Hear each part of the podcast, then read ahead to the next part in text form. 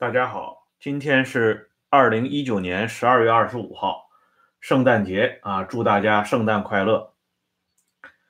今天我们继续来讲罗瑞卿倒台之谜第十五集，题目呢叫周恩来再次给林彪、罗瑞卿添堵。啊，我们前面已经讲过一个关于周恩来给罗瑞卿挖坑的故事，今天要讲的呢是。周恩来啊，再一次的挖坑，而且这一次挖坑呢，啊，不光是给罗瑞卿挖啊，也给这个林彪挖，双向挖坑。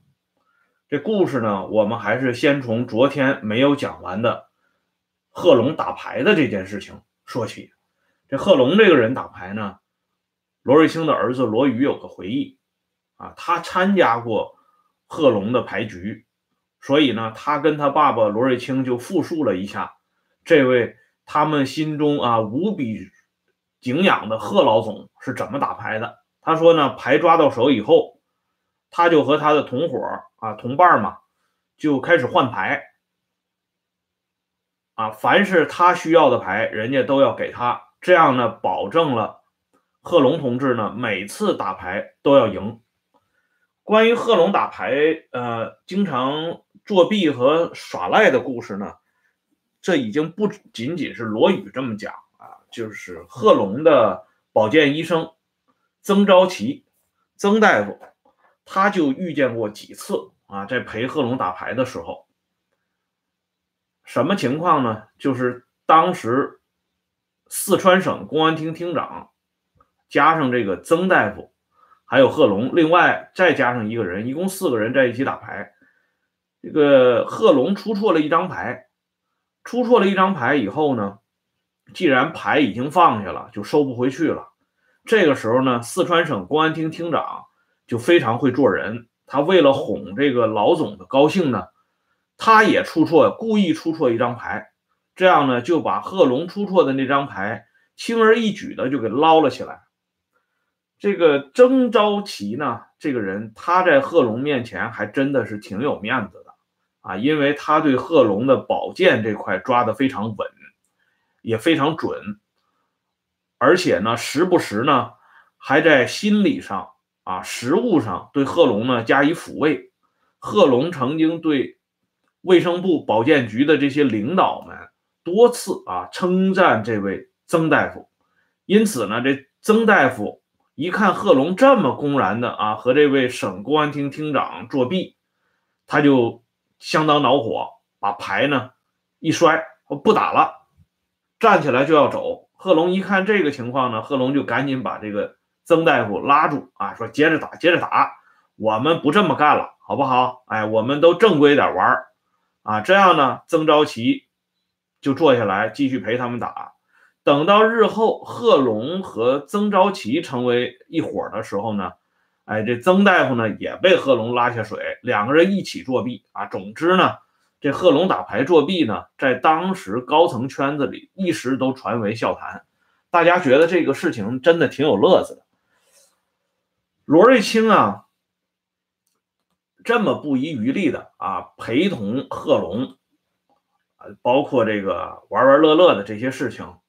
有的朋友就要问啊，你说这罗瑞卿跟这红二方面军的贺龙走这么近，他难道不怕人家在背后议论吗？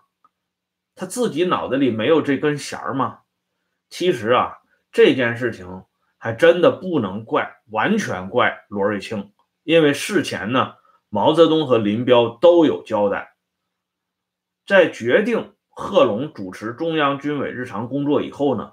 毛泽东亲自向罗瑞卿做过交代，说你以后呢要多向贺龙同志请示工作啊。林彪同志呢最近身体不舒服，你让他呢静心养病，等他养好了，你再向林彪同志请示工作。毛呢不止说了一次，所以这罗瑞卿呢自然要向贺龙这个方向靠拢。再一个呢是林彪自己向罗瑞卿的嘱咐。林彪说过什么呢？林彪说的原话啊，是一九六三年五月七号电话记录。林彪通过秘书打电话给罗瑞卿说，现在身体不好，比较困难，考虑军队问题，养好身体再说，让第一线的人放手工作，不要过多的考虑我的意见。一般的问题由办公会议决定，较重要的问题由军委常委讨论，更重要的问题请示中央和主席。到了一九六三年六月上旬，林彪到达济南，又让叶群给罗瑞卿打电话，就是说罗林总呢虽然到了济南，但身体不行，不能见人，一见人就出汗，一出汗就站不起来。短期不能恢复，所以军队的工作目前没有精力去考虑。啊，这个叶群说的是挺有意思的啊，一见人就出汗，一出汗就站不起来，啊，一站不起来就放倒。这话说的特别像《我爱我家》里边梁天儿啊扮演的那个贾志新经常说的啊，说这个人能喝酒啊，一喝就高，一高就吐，一吐就睡啊。一睡就醒不过来了，这话呢用的排比句非常有趣儿。这是第二次打招呼，第三次呢，又一次啊打招呼，就是说日常工作要各总部党第一线的人都负责，较大的事情军委办公会议讨论，再大的事情军委常委讨论，更大的事直接报告中央和主席。三次打招呼，跟罗瑞卿讲这个事情，所以呢，在罗瑞卿看来，这跟贺龙走得近一点儿，因为有上边两位老大做主，恐怕呢也不会有什么嫌疑。可是呢，有些事情啊，恐怕要从两个方向去考虑。但当时罗瑞卿位高权重，完全没有多想。啊，他丝毫没有想到，这两位老大让他放手去向贺龙请示工作，在背后啊又有什么新的动作？果然呢，当他同贺龙啊真的走近以后呢，林彪叶群夫妇坐不住了。先是呢，叶群啊跟罗瑞卿吹风。吹什么风呢？说总长啊，我们这里有个病人，又不会陪你钓鱼、打麻将，你还是多来一些吧。这里所说的病人，指的自然是林彪啊，啊，而不能陪你钓鱼、打麻将这个话，机锋所指，那就是贺龙。后来呢，林彪自己亲自啊披挂上阵。有一次啊，他同罗瑞卿谈话的时候，突然就问起罗瑞卿，说：“我们的威信不够吧？因为我们不是南昌暴动的领导人啊。”这个话呢，都出现在《罗瑞卿传》里边，不难查找。这件事情呢，真的让罗瑞卿啊有点丈二金刚摸不着头脑。还是罗瑞卿旁边的解语花总政治部主任肖华明白。萧华呢，就告诉罗瑞卿，这是不是啊？毛家湾那边嫌你跟贺老总走得近了，跟其他的元帅走得远了，是不是有这一方面的考虑呢？当然，这萧华呢，也是自己的玄揣。哎，可是呢，萧华的这个敏感的提问呢？没有得到罗瑞卿的重视，啊，罗瑞卿当时呢，没把萧华的话放在心上，认为呢，萧华是有点多心了，以他和伟大领袖以及同林副主席之间的关系，仅仅是同贺龙正常的工作接触，包括业余时间两个人在一起看看比赛呀、钓钓鱼什么的。这是不足以引发任何危机的，啊，这里呢应该说罗瑞卿掉以轻心，他这个神经啊真的是麻痹了。首先呢，他忘记了啊，或许呢他在这个事情上本身就不是特别知情。林彪夫妇同贺龙夫妇之间早有矛盾，这个矛盾当然也是因为这个女同志之间的局域引发的，就是薛明和叶群之间，这两个人实际上是同学来着，按说呢一起到延安参加革命，又一起呢啊在一起学习共事，按说这个关系应该是亲上加亲。可是呢，因为一些鸡毛蒜皮的小事情，让薛明和叶群之间呢发生了不可调和的矛盾，而且这个矛盾后来居然上升到政治层面上来。特别是薛明呢，利用整风审干和抢救的机会呢，把这个叶群给搞了起来。啊，其实最初的两个人之间的冲突呢。我会在贺龙专案始末的这个系列里边呢，给大家详细解说一下。这里呢，我就简单说一下。比如说呢，当时薛明特别看不上叶群一件事情，啊，他看不上叶群很多事情，但是其中有一件事情呢，在薛明看来特别不能容忍，啊，就是叶群这个人呢，他的这个脚啊有一点问题，所以呢，每天洗完脚之后呢。他专门请他的同伴啊，为他这个呃专业抠脚啊，具体怎么抠，这个史料上也没记载。但是薛明呢，是天天晚上都看着有人给这个叶群抠脚，他就特别受不了这件事情啊，觉得大家都是革命同志，你凭啥支持别人给你抠脚呢？再说这抠脚前后的这个声音和这个味道呢，也让这个薛明受不了。啊，因此呢，这薛明就把这件事情当面向叶群提了出来，说你不能搞那个资产阶级剥削作风那套啊！啊，叶群也不高兴啊。叶群说：“我愿意啊，而且呢，还把给他抠脚的那个朋友也叫过来，说你问问他愿不愿意。”啊，那朋友跟叶群用现在的话讲，那叫闺蜜啊。人说我也愿意呀。啊，这样呢，薛明就挺生气的。实际上呢，薛明。和叶群之间的这个矛盾啊，后来升级的挺厉害的。贺龙还专门批过薛明，说你这个人脑子糊涂啊！叶群后边是林彪啊，你这么搞叶群的话，那林彪能高兴吗？叶群呢被搞，薛明还有一套说辞，他说我是站在党性原则这个问题上，公对公来处理这个事情啊，即使这个林彪同志不满意。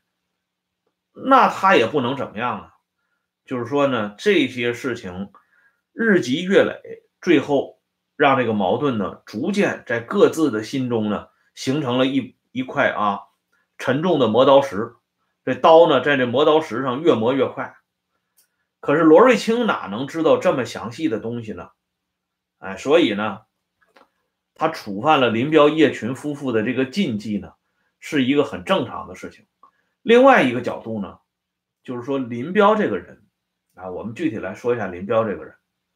我之前呢就讲过，林彪这个人是阴狠自雄，他在性格特点上同伟大领袖非常相近啊。要不怎么说什么人找什么人呢？很多事情呢，一些当事人直到九幺三事事件发生以后呢，他们才如梦初醒。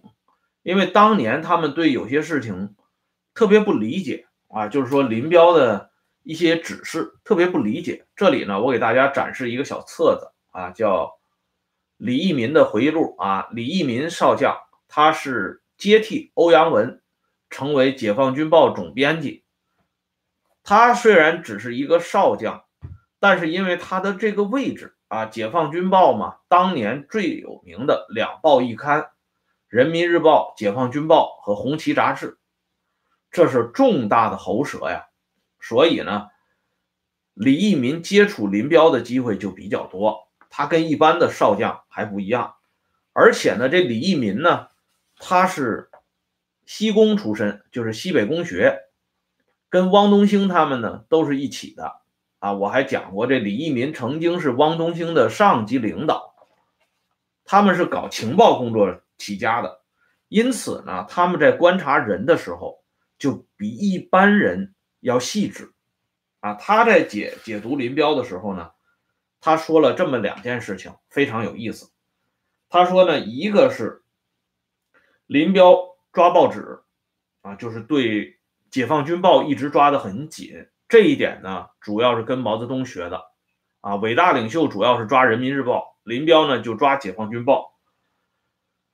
但是呢，林彪最关心的是他的讲话，凡是刊登他的讲话，李义民说呀，他们这些人就特别的小心，唯恐错了一个字，因为如果错了一个字，他说这林副统帅呢就可能骂你几次，甚至呢处分你。再一个呢是林彪的照片，林彪的照片呢。当然，每次都要登在第一版上啊，第一版的头条显赫位置上。如果呢位置不对啊，谢谢老弟的打赏啊。我后边的这 IKEA 的桌子是人家送我的啊，因为我知道我这要做这节目啊，然后呢送我这一桌子，就是为了啊每期节目的时候呢，这些资料呢能够非常。啊，就近搬挪，要不然呢，我还要到楼下我的那个啊自己的那个小型的啊图书馆里边去翻书啊，也不能叫图书馆吧，叫小型的书房吧。楼下还有两个书房，所以呢，这桌子放在这儿比较方便一点。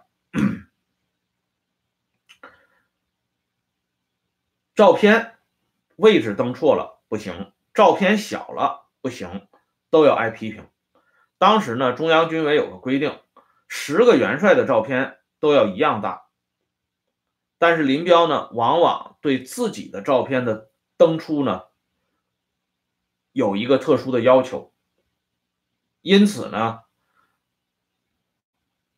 这李义民他们就显得非常棘手啊，因为呢，要突出他的照片的位置呢，就要把社论和头条新闻往一边挤。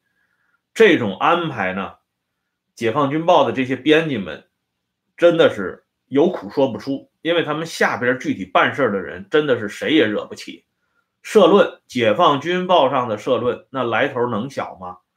解放军报的头条新闻，要么跟伟大领袖有关系，要么跟少奇同志或者是恩来同志，包括这个林副主席都有关系。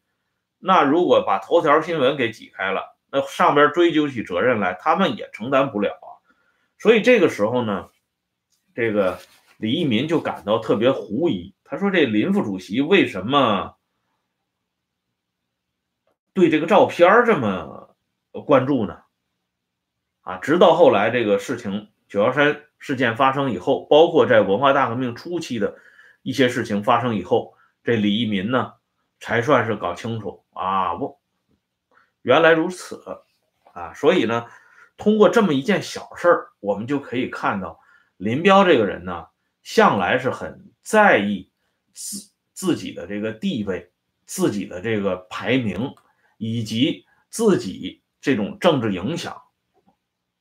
所以你罗瑞卿跟贺龙啊，又是钓鱼又是打牌啊，罗瑞卿没跟贺龙打过牌啊，这里要强调一下，打麻将是。打过，但是没有打过牌，因为罗瑞卿知道贺龙啊喜欢这玩赖，而罗瑞卿这个人打牌呢特别认真啊，他比一般人都认真。这个李义民呢，他们都回忆过，说这罗总长打牌呢，谁要是发暗号，谁要是偷牌啊，这罗总长立马就咬牙切齿的训训斥对方啊，所以呢。像罗瑞卿这么认真的人，要跟贺龙打牌，那热闹恐怕就大了去了。因此呢，当罗瑞卿跟贺龙进行这些活动的时候，林彪自然心里不舒服。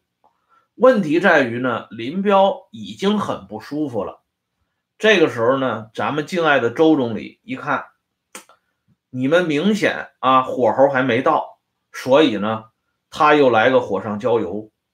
这火上浇油呢，体现在两件貌似啊小事儿的故事上边。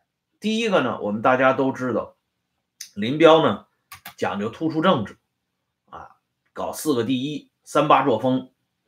这罗瑞卿呢，他也要遵循这么一条线儿，要搞突出政治。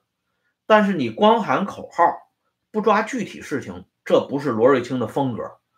罗瑞卿这个人呢，是属于啊雷厉风行，也是一位立竿见影的事情。他一看伟大领袖好这一口，那他肯定就是趴下去啊，头拱地也要把这个事情呢搞得像模像样一点。因此呢，他抓了两件大事情，一个是大家都知道的学习雷锋好榜样。那是罗瑞卿一手抓起来的这个事情呢，我们后边再说。先说另外一件事情，他就抓的那个著名的电影《霓虹灯下的哨兵》。这个老电影呢，歌颂的是这个上海驻沪部队南京路上好八连的故事。罗瑞卿呢，亲自到这个连队进行了走访，了解这个材料，了解的非常细啊，甚至呢。还问这些连队们平常的业余生活都是怎么开展的，最后呢，搞出这么一个霓虹灯下的哨兵这个电影。这个电影播出来以后呢，周恩来特别积极啊，高层里常委里边，就周恩来对这个霓虹灯下的哨兵呢表现出特有的偏爱。周恩来前后啊看了这个电影看了六遍啊。大家都知道，这贺龙喜欢看这五朵金花，啊，呃，这个平常呢要放松的时候啊，身边的人投其所好，都知道他喜欢这口，就说那就放一个五朵金花吧，啊，周恩来更喜欢看这霓虹灯下的哨兵，他不光呢自己看了六遍，还向别人推荐。更有意思的是啊，他居然自己掏腰包，让邓大姐出面，他自己也亲自。参加啊，请这个主创人员，包括扮演《霓虹灯下哨兵》里的那些主角啊，什么陶玉玲啊这些人，专门吃饭啊。席间呢，这个总理呢还专门端上了他老家的那道名菜啊，淮扬名菜嘛，狮子头，红烧狮子头啊。所以呢，可以想见那个气氛其乐融融。当然，罗瑞卿也作陪啊。霓虹灯下的哨兵啊，就类似于今天呢网上非常火的这种节目，它是用光电影来突出政治，这样呢就比林彪那种干巴巴的念经显得更为传神。因此呢，罗瑞卿搞的这个突出政治，霓虹灯下的哨兵。就已经有抢戏的嫌疑了啊！我不是一再跟大家说过，当年，嗯，这个陈佩斯和朱时茂演过那个小品，主角和配角吗？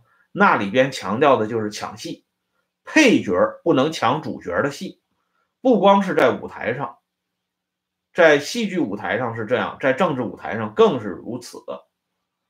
这件事情呢，让林彪。不高兴，但接下来呢，周恩来又添了一次柴火。这一次呢，是发生在一九六五年三月份。这个时候，我们知道，距离林彪和毛泽东决策决定以杨成武取代罗瑞卿，并且呢，导致下半年的上海会议的召开，已经时间越来越近了。可是就在这个时候呢，咱们的总理呢，又添了一把柴火。这柴火一旦添进去以后呢，这复仇的烈火呢，啊，就是越烧越浓了，越烧越旺了。这柴火是怎么来的呢？就是一九六五年三月份，周恩来呢，同这些中央常委都给这个南京路上好八连所在的上海驻沪部队题词。你像伟大领袖啊，少奇同志啊，林彪啊，都提了词了，啊，总理也要提词。问题是呢，你提词就提词，啊，他呢还提词儿啊，这个是另外一句话啊，就是咱们说这个演电影的时候，有的人把台词忘了啊，怎么办呢？啊，就要有一个人专门提醒他，啊，提醒他的这个词啊。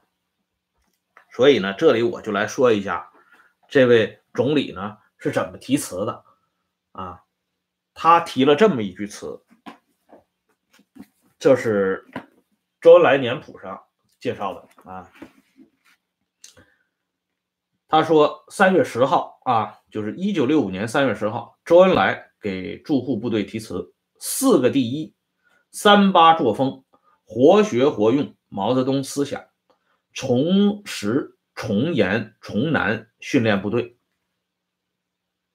这是这么提的。哎，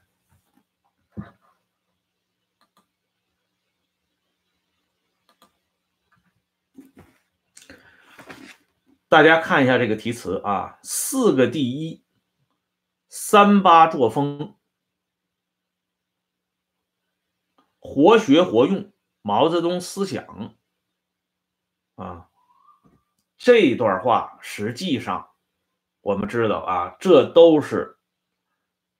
按照林彪的脉络来讲的，这是对林彪突出政治、四个第一、立竿见影、活学活用的一个最好的回应。但是后边呢还有一句话：重实、重严、重难训练部队。这个话呢是比照着罗瑞卿他们搞的大比武来的，就说周恩来的这个题词。可以说是滴水不漏。前边呢，对主持军委日常工作的林副主席进行了一下热烈的回应；后边呢，又对这位位高权重的中央书记处书记、军委秘书长、总参谋长罗瑞卿抓大比武呢，也有一个高度的肯定。问题还不在这个题词上面，而是周恩来在题词之后说的这番意味深长的话，让林彪彻底坐有点坐不住了。啊，这个话呢，原始出处在这里，《中共党史研究》一九九六年第一期，作者呢叫金春明，他是《文化大革命简史》的作者，他写的这篇文章叫《六十年代左倾错误的发展与文化大革命的爆发》。在这篇文章当中呢，他提到了一九六五年三月十号，周恩来在题写上述啊题词之后，周恩来说的一句话，周恩来说。我的提法与你们国防部长有区别，这是周说的原话。大家看一下这题词，再看一下咱们这总理后边垫的这句话，可以想见，当林彪得知这个东西以后，他的心情该是怎么样的。首先，周恩来。前边的题词啊，活学活用，四个第一；后边从严、从实、从难训练部队，无意当中就是一再一次的把林彪和罗瑞卿并列。我们都讲了，这个之前他到武安县博彦村去访贫问苦的时候，就已经把罗瑞卿同林彪并列，林总、罗总并称。到了一九六五年三月十号的时候，啊，他再一次的把林彪和罗瑞卿通过这种隐性的方式相提并论。想想林彪这种敏感的人，他连照片登在什么地方，啊，放在什么样的位置都是非常计较的这么一个人。周恩来的这个题词，他能看不出来吗？关键是周恩来后边还说了这么一句话。他说，他的这个啊提法呢，跟这个国防部部长有所区别，就是说跟林彪有所区别。什么叫有所区别啊？无非是他最后的那句话：从严、从实、从难训练部队啊。而这个区别是周恩来搞出来的区别吗？不是啊，是罗瑞卿大比武搞出来的区别啊。这林彪对罗瑞卿的大比武本来就已经是相当愤懑不已啊，可是呢？咱们的恩来同志呢，再添一把柴火，因此我们就可以看到，啊，这林彪为什么三月十号周恩来的题词一出来，四月下旬，他同毛泽东单独见面的时候，就直接向伟大领袖提议，由杨成武担任军委常务副秘书长，作为第一号备胎，做好了接替和顶替罗瑞卿的工作的原因了。啊，这就是咱们这个恩来同志啊做的一件非常漂亮的事情。好了，今天呢，咱们这个节目呢，先说到这里。感谢老弟的打赏啊，感谢这么多朋友上来观看。因为今天是圣诞节啊，我们再加一期直播。一会儿呢，我再给大家讲一个周恩来的美人计啊。咱们这过节嘛，就得放松一下，所以咱们讲个美人计啊，当这个闲聊了。好了，我们回头一会儿再上来接着聊。欢迎大家呢继续关注，再见。